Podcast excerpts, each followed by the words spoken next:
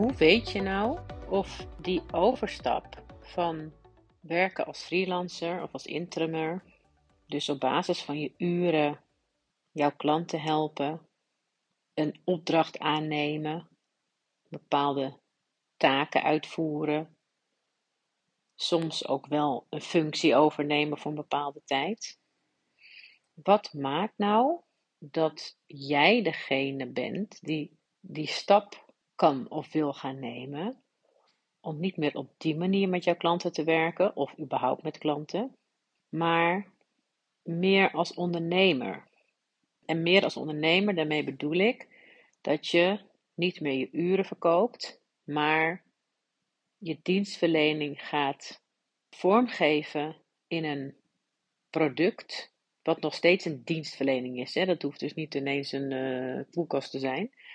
Je hoeft het niet fysiek vast te kunnen pakken, zodat je dat gaat verkopen. Met alle gevolgen van dien, als het gaat over jouw manier van ondernemen, van hoe je dat doet, maar ook op het gebied van hoe jij dus je klanten helpt. Want daar zit daadwerkelijk verschil in. Het gaat over verantwoordelijkheid nemen, laten. Wie heeft welke aap op zijn schouder? En ik kom hierop omdat ik een call had laatst met een uh, potentiële klant. Of ja, het was wel een potentiële klant, daarom had ze die call ook. Maar zij werkte al heel lang op interim basis. Noemde zich ook echt een freelancer puur zang.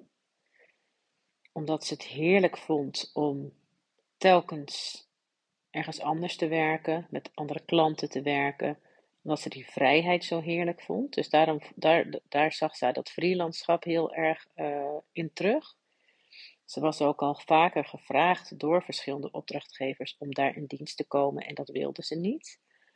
Ze gaf wel aan dat ze, en dat herkende ik ook enorm, van toen ik nog als freelancer of interimer op die manier bij mijn klanten werkte of met mijn klanten werkte, dat ze zich enorm betrokken voelt, alsof, ze, alsof het haar bedrijf is, alsof zij daar echt werkt. Maar wat maakt nou dat verschil?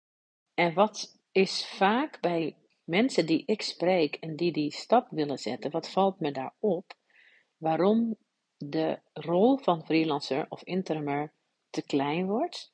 En natuurlijk hè, zie je ook op mijn website, en dat is ook een gevolg, dat het ook gaat over uurtje factuurtje, over het plafond in geld, omdat je nou helemaal niet meer uren kan maken en je prijs niet eeuwig omhoog kan gooien, al die dingen.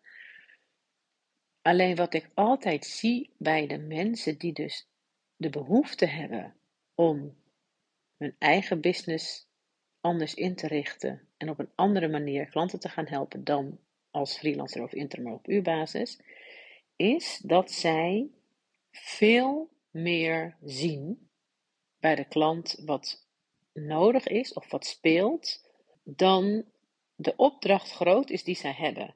Maar dat het resultaat van wat zij leveren wel afhankelijk is van andere radartjes buiten de scope van de opdracht.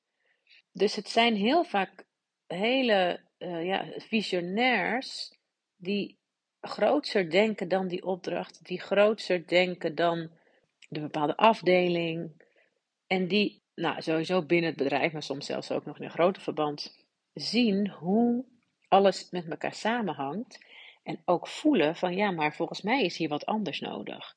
En eigenlijk dat willen vastpakken en daar hun business mee willen vormgeven. En dat bij die klant willen oplossen. Maar dat in de vorm van freelance of interim niet kunnen, omdat dat, ja, dat is helemaal niet waar ze voor aangenomen zijn. En dat is ook helemaal hun rol niet. En die, die zeggenschap of die, en verantwoordelijkheid is niet het goede woord, die toegang hebben ze eigenlijk ook niet om dat te doen, omdat ze binnen, via één kamer zijn binnengekomen, om het zo maar te zeggen.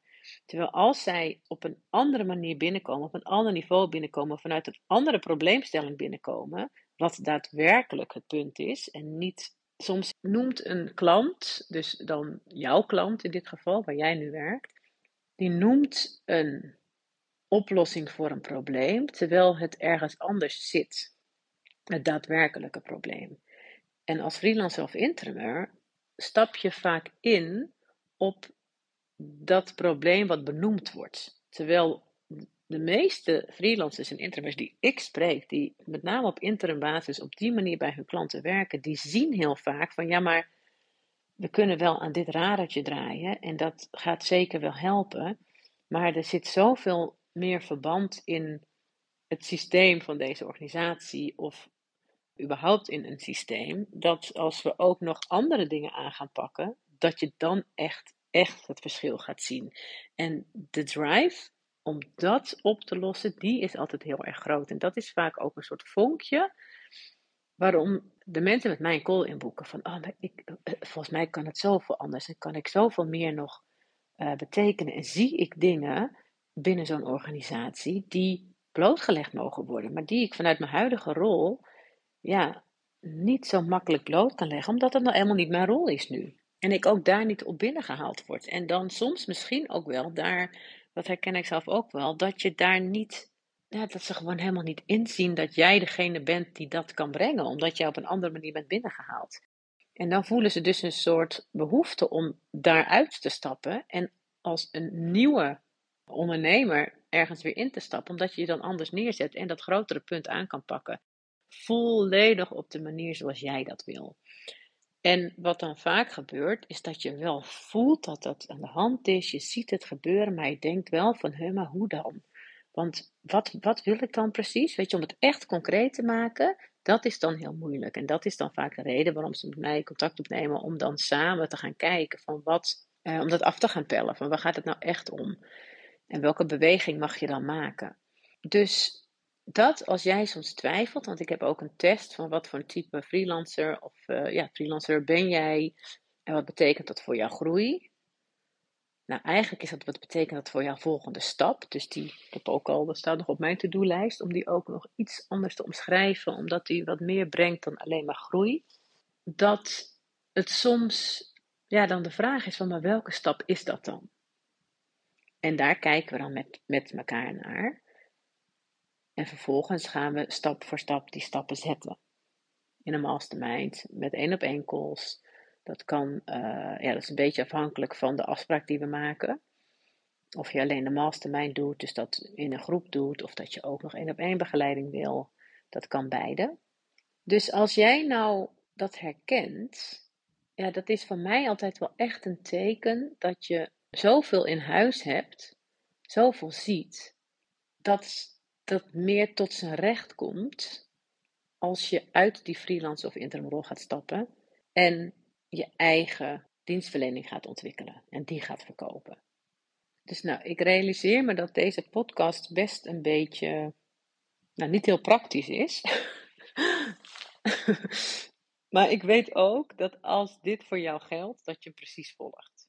Dus dat is misschien maar goed ook, want dan uh, is die ook scherp voor degene voor wie die wel bedoeld is.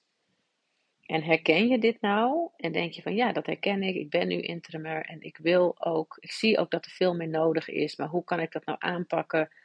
Ik maak me eigenlijk heel erg druk over wat er bij, mijn bij de organisatie waar ik werk gebeurt. Maar eigenlijk is dat niet mijn probleem, maar hun probleem. Dus ik maak me eigenlijk heel erg druk over de problemen van anderen.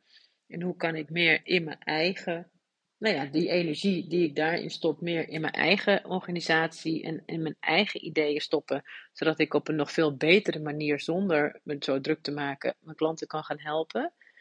Ja, dan is dat echt jouw call om met mij een call in te boeken. Want dat vind ik heel tof om dan met jou te gaan kijken van oké, wat is dat dan precies en hoe kunnen we dat thuis gaan brengen met elkaar. Ja, dus juist als jij op zo'n manier binnen bedrijven werkt, dan is het echt de moeite waard om eens na te gaan denken van zou het ondernemerschap, en daarmee bedoel ik niet met uur factuur werken, maar je eigen dienstverlening verkopen, als ware het een product met een strik eromheen. En daar heel veel waarde in stoppen, zodat er echt gaat veranderen wat jij ziet dat nodig is dat mag veranderen bij jouw klanten of wel elders. Dan ben jij echt degene op wie ik me richt met mijn dienstverlening en met mijn trajecten. Dus nou, dat inzicht kwam tot mij door een gesprek wat ik had. En ik dacht, die wil ik met je delen. Want misschien ben je dat wel. En het kan ook, en dat is ook waarom ik hem opneem. Is omdat het ook best wel ondefinieerbaar voor jezelf kan voelen. Het kan heel erg zo van, jeetje, nou, ik voel dat dit het niet meer is, maar wat dan wel? Weet je, wat is dan die volgende stap? En dat voelt soms heel irritant, want je wil wel weg, maar je hebt nog geen perspectief. Nou, dat perspectief, als je, dat, als je daar een stipje van wil maken om naar te kunnen kijken, boek dan een call in. Want daar kunnen we met elkaar echt scherpte in aanbrengen. En dat gun ik jou, want het is heerlijk om dat te hebben. Nou, tot dusver deze heerlijk overzichtelijke korte opname. En uh, eh, 12.12 was die net toen ik dat zei. En geniet van je dag en tot de volgende aflevering.